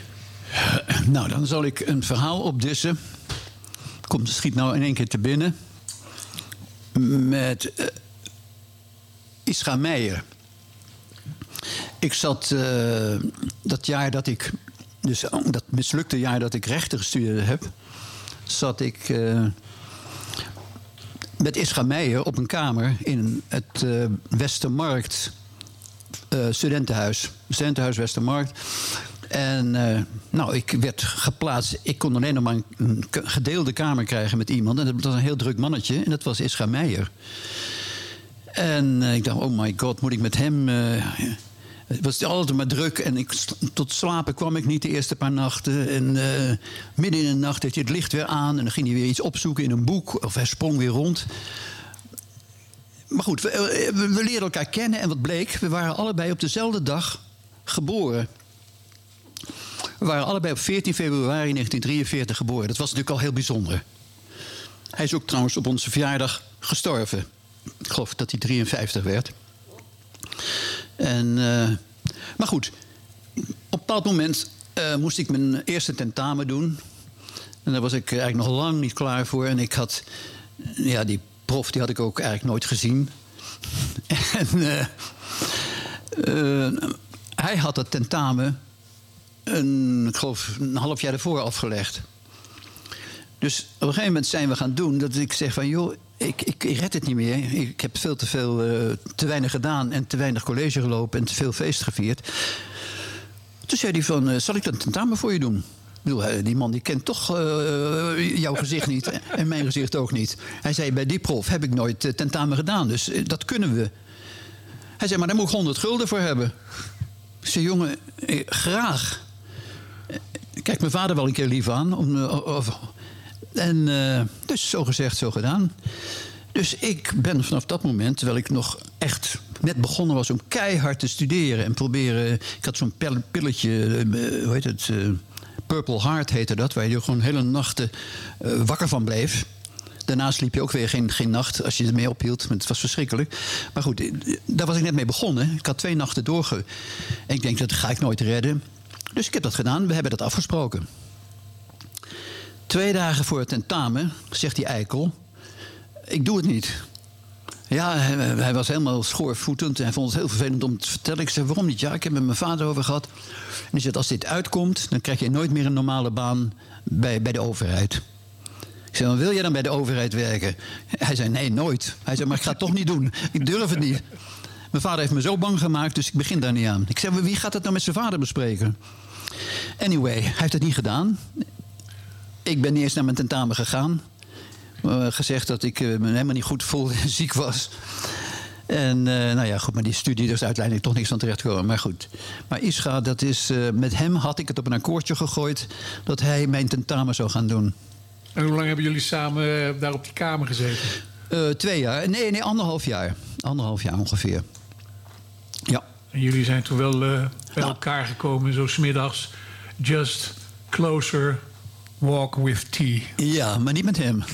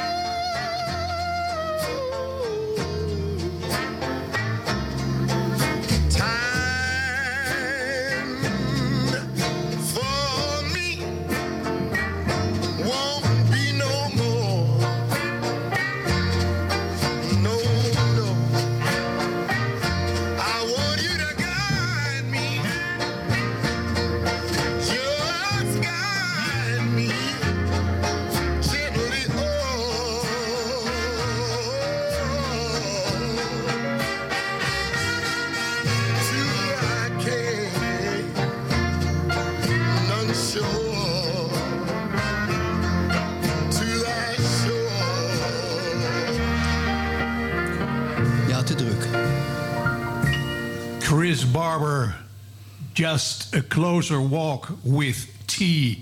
En dat allemaal op verzoek van onze gast. Ja, Thomas. Ja, ik ben er nog. Thomas Etsi hij maakt zich zorgen dat hij wat saai klinkt. Maar dat is hij helemaal niet. Je hebt mooie, boeiende verhalen. En eh, je bent in 61, hebben we net even, eh, ben je gaan studeren. En toen zat je met Isha Meijer eh, op één kamer. Ja. Ben je ook lid van een studentenvereniging geweest? Nee, in die tijd nog niet. Omdat ik te veel provo was. Hè? Ik was toen overal tegen, dat begrijp je. Ja, nee, dat is... eh, maar het kon zijn dat je ouders liever wilden dat je nog wel... Ja, die, wel, die zaten erop aan te dringen en zo. Maar eh, nee, nee, ik eh, ben toen helemaal nergens lid van geworden. En dat is natuurlijk ook een rare combinatie. Dat je provo bent en dat je rechten wil gaan studeren. Het klopt allemaal niet. Dat was meer een sturing van mijn ouders. Van, joh, waarom ga je dat niet doen? Dat is toch een... dat is toch- Maar dan heb je even het verhaal verteld, eh, even uit jouw studententijd. Ja. Maar je hebt ook vast en zeker een glorieus verhaal uit jouw eh, reclametijd. Festivals geweest, eh, dingen gedaan. En die jij als heel normaal vindt, maar die wij als luisteraar hangen dan aan je lippen. Als je er ook met name dropping graag van beroemde mensen. Nou, nee. Sorry, ik, ik kan, ik kan in de, uit de reclametijd kan ik gewoon niet echt name droppen. Ik bedoel... eh, Maar je hebt wel mooie dingen meegemaakt. Natuurlijk heb je mooie dingen, maar ja, weet je... Als ik het nu ga zitten vertellen, is het helemaal niet mooi. En is het helemaal niet leuk. Het was leuk op dat moment dat je Maar dingen... dat, dat bepalen wij. Ja. nee, ik zit even te denken. Wat, eh, Wat is je grootste klus geweest? Mijn grootste klus is geweest ehm, de introductie van kleurentelevisie, van Philips kleurentelevisie in België. Ik heb, zat toen bij de, bij de Belgische afdeling van het reclamebureau Intermarco de Lamar. En dat heette Intermarco Publicem en dat zat in Brussel. Was wat weer wel leuk was, hoe we daar binnenkwamen. Eh, wij waren dus een, een swingend. Ik, ik zat, sorry, ik was met, samen met een Engelse art director. Ik was de copywriter en die Engelsman was de art director. En als team waren wij verkocht aan het zusterbureau in Brussel. Omdat daar de boel een beetje opgeschud moest worden. En daar hadden ze echt een, ja, echt een Amsterdams team nodig. En wij konden dat gewoon niet geloven. Maar toen we eraan kwamen, zagen we inderdaad wat ze bedoelden. Dat was een, een hiërarchie van alleen maar grijze pakken. Zo werkten ze daar toen nog in de reclame. Ook zelfs de creatieven, die liepen daar... eh, Nou ja, voorzichtig hadden ze een, een stropdasje een beetje losgemaakt... maar verder was het ook allemaal gewoon... En van boven werd er gedirigeerd van eh, dat mag gebeuren en dat niet... en en zo. En als je iets verzint, dan moet het binnen die kaders... Dat we schrokken ons helemaal het lazarus. Maar zij schrokken net zo hard. Want wij kwamen binnen, met fluwelen pakken. Dassen die eh 10 centimeter breed waren. In alle kleuren van... eh, eh, we hadden plateauzolen die, die, die zo hoog waren. Ja, van slangenleer. Ik had een pythonleren plateauzolen. En zo kwamen wij daar de boel op schudden. Nou, die mensen die keken allemaal hun ogen uit. Die wisten gewoon niet wat ze zagen. Dus eh, dat, nou ja, toen hebben we langzamerhand, zag je heel voorzichtig... dat er ook een, paar andere creatieven... die gingen plotseling een jasje binnenstebuiten aantrekken... en die gingen, die gingen wat artistiek doen. En, eh, en het- is langzamerhand, maar het is nooit echt helemaal een, een wilde boel geworden. Dus we hebben daar eigenlijk niet zo'n leuke tijd gehad. Maar het enige leuke wat daar was, was dat, je, dat wij die fantastische opdracht hadden... voor Philips Kleuren TV in België en Luxemburg te introduceren. Dus daar hebben we een hele grote campagne voor gemaakt. La couleur lumière heette dat. Lichtkleuren. Dus niet gewoon kleuren zoals je normaal ziet, maar echte lichtkleur. Maar goed, in, het moest allemaal in het Frans. En, eh, Maar betekent dat je verhuisde naar... Ben je ja, Brussel gaan zeker. Ik heb in Brussel gewoond. Met heel veel plezier aan de boulevard du Souverain. Een heerlijke tijd gehad. Leuke stad. En hoe pak je dat dan aan met die eh, kleurenbuis? Ja. Eh, er was een hele vervelende meneer van Philips... die elke keer uit Eindhoven kwam, die het voor het zeggen had. En eh, die, die, die, die keurde alles af wat we maakten. En op een gegeven moment, eh, ja... Weet je, het punt was, hij zat tussen twee culturen. Hij had de, de, de Nederlandse cultuur, maar de Belgische cultuur was totaal anders. Zoals ik al zei, zoals wij in het reclame binnenkwamen. Alles was top-down. Eh, alles werd in die tijd nog geregeerd van bovenaf. En je had maar te gehoorzamen. En eh, verder waren het allemaal piepeltjes daaronder. Niemand durfde een beslissing te nemen. En dan kwam die, die Nederlandse directeur over en die zegt van... nou, dit is een goed idee, laten we dat gaan uitwerken. Maar dan zeiden ze in België weer... ja, maar jullie zijn Hollanders en jullie snappen niet dat wij Belgen mooi vinden... en wat bij ons ingang vindt. En dus altijd gedoe en zo. Maar uiteindelijk, hebben we die, die campagne van La Couleur Lumière...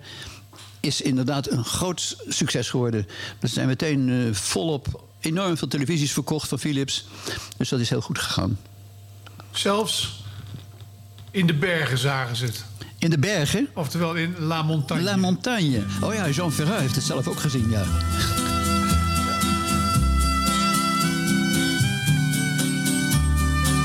Ils quittent un à un le pays pour s'en aller gagner leur vie, loin de la terre où ils sont nés.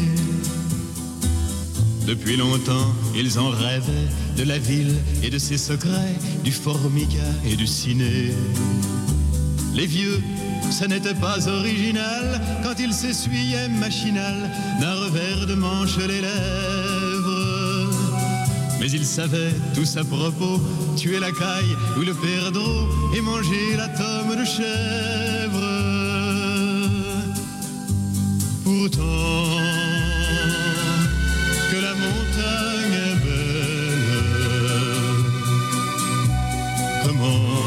peut-on s'imaginer en voyant un vol d'hirondelles que l'automne vient d'arriver avec leurs mains dessus leur tête, ils avaient monté des murettes jusqu'au sommet de la colline.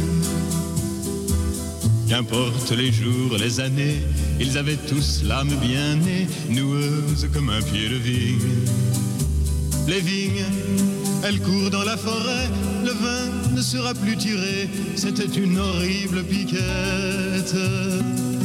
Mais il faisait des centenaires à ne plus que savoir en faire s'il ne vous tournait pas la tête. Pourtant, que la montagne est belle, comment peut-on s'imaginer en voyant un vol d'hirondelles que l'automne vient d'arriver de chèvres et puis quelques moutons, une année bonne et l'autre non, et sans vacances et sans sortie. Les filles veulent aller au bal, il n'y a rien de plus normal que de vouloir vivre sa vie. Leur vie, ils seront flics ou fonctionnaires, de quoi attendre sans s'en faire que l'heure de la retraite sonne. Il faut savoir ce que l'on aime et rentrer dans son HLM, manger du poulet aux hormones. Pourtant, que la montagne est belle, comment peut-on s'imaginer en voyant un vol d'hirondelles que l'automne vient d'arriver? Rita Reis, als ze er waren, hè, zat hij mooi te pingelen. Rita Reis, ja, ja, ja, luisteraars, we hebben het allemaal erover. Greet die vertelt alles over Rita Reis en over Session. Onze gast Thomas Ertzig, die eh, memoreerde van dat hij nog in de Boerenhofstee kwam en dat hij daar eh Stan Getz had gezien en al die dingen meer. Maar dan praten we echt over heel lang geleden. Heel lang geleden. En eh, ja, luisteraars, we zijn alweer bijna aan het einde van deze toch wel weer boeiende de band om onze harten. Eh, Thomas Ertzig, onze gast. Wacht even, waarom heet het eigenlijk Band om onze harten? Wat, waar komt die naam vandaan? Dat is eh, de spreuk van Vindicat Adquapolit, het Groningen Studentenkoor. Is dat zo, ja? Dat is het. het. Wij hebben het altijd met de band om onze harten. Ah, oké. Wij creëren daar de band om onze harten. Maar jij als provo hebt dat niet meegekregen. Nee, dat hebben we niet meegekregen. nee. maar het gaat niet om mij, maar dat, dat- is de reden dat het zo heet. Ja, ja. En wij hebben ook een band om onze hart, hè, want wij kennen elkaar. Ja. Dus, we, dus je weet altijd iets te creëren met elkaar. Maar ehm, ter afsluiting, als jij nou, je hebt een respectabele leeftijd zo langzamerhand. Als jij nou terugkijkt op je eigen leven, omschrijf dat eens. Eh, moet ik nou wel terugkijken? Eh, ja. eh, ik heb een heel afwisselend leven gehad. Eh, er zit totaal geen lijn in. En ik moet zeggen dat ik het met alle plezier geleefd heb tot dusver. Juist die afwisseling heb ik ongelooflijk leuk gevonden. En eh, ik kan niet anders zeggen dat. eh, er zijn natuurlijk mindere periodes geweest dat je denkt van nou, dit, had ik niet even wat eerder moeten afsluiten of dit had ik anders moeten doen. Over het algemeen heb ik het gewoon laten hobbelen en ik ben een beetje een opportunist. Ik, ik, ik, zie wel waar het schip strandt en dan hobbel ik weer over naar een andere fase. En eh, dat heb ik met vrij veel eh, elan gedaan, denk ik. En plezier. Als je zo met je kinderen zit, wat zeg je dan tegen ze? Hoe moeten ze jou herinneren? Ze, dat, dat bepalen ze helemaal zelf. Hè. Ik, bedoel, eh, ik hoef ze helemaal niks te vertellen hoe, hoe ze mij moeten herinneren. Nee, hoe denk je? Dat Eh, ze maar jou ik denk dat ze. Ik weet het niet. Ik heb geprobeerd een, eh, een leuke vader te zijn. Dat was ook het fijne dat ik al heel gauw van de reclame freelance werd. Dus ik veel thuis was. Dingen vanuit huis kon doen. Ik kon kinderen naar school brengen. Ik kon eh, met ze kletsen als ze moeilijkheden hadden. Dus eh, we hebben dat gewoon heel goed samen gedaan, Vroon en ik. En eh, ik, eh, ik denk dat, eh, dat die kinderen, die, dat zeggen ze ook wel, dat ze dat gewoon een- zo'n leuke jeugd gehad hebben. Een beetje naar dat ze een scheiding hebben moeten meemaken. Maar ja, toen waren ze, wat waren ze? één en vier waren ze. Maar voor- vooral met degene van vier jaar heeft dat toch wel iets gedaan. Die heeft er wel, toch een klein beetje schade van ondervonden. Je, heeft dan, weet je, je pro- probeert dan geen ruzie te maken. En je gaat eh, met z'n tweeën naar een kamer. Maar dan horen ze natuurlijk donders goed wat er aan de hand is. Dus eh, ja, dat is niet te vermijden. Dus die oudste heeft een klein beetje schade gehad van, eh, van de scheiding. Maar verder hebben ze een hele leuke jeugd gehad. En ze zeggen zelf ook van... ah, perfect allemaal. Kijk, dat is de mooiste afronding die er is. Thomas, hartelijk dank dat jij hier gezeten hebt. Wees niet, wees niet triest. Het was niet vervelend. Het was niet saai. Je was een leuke gast.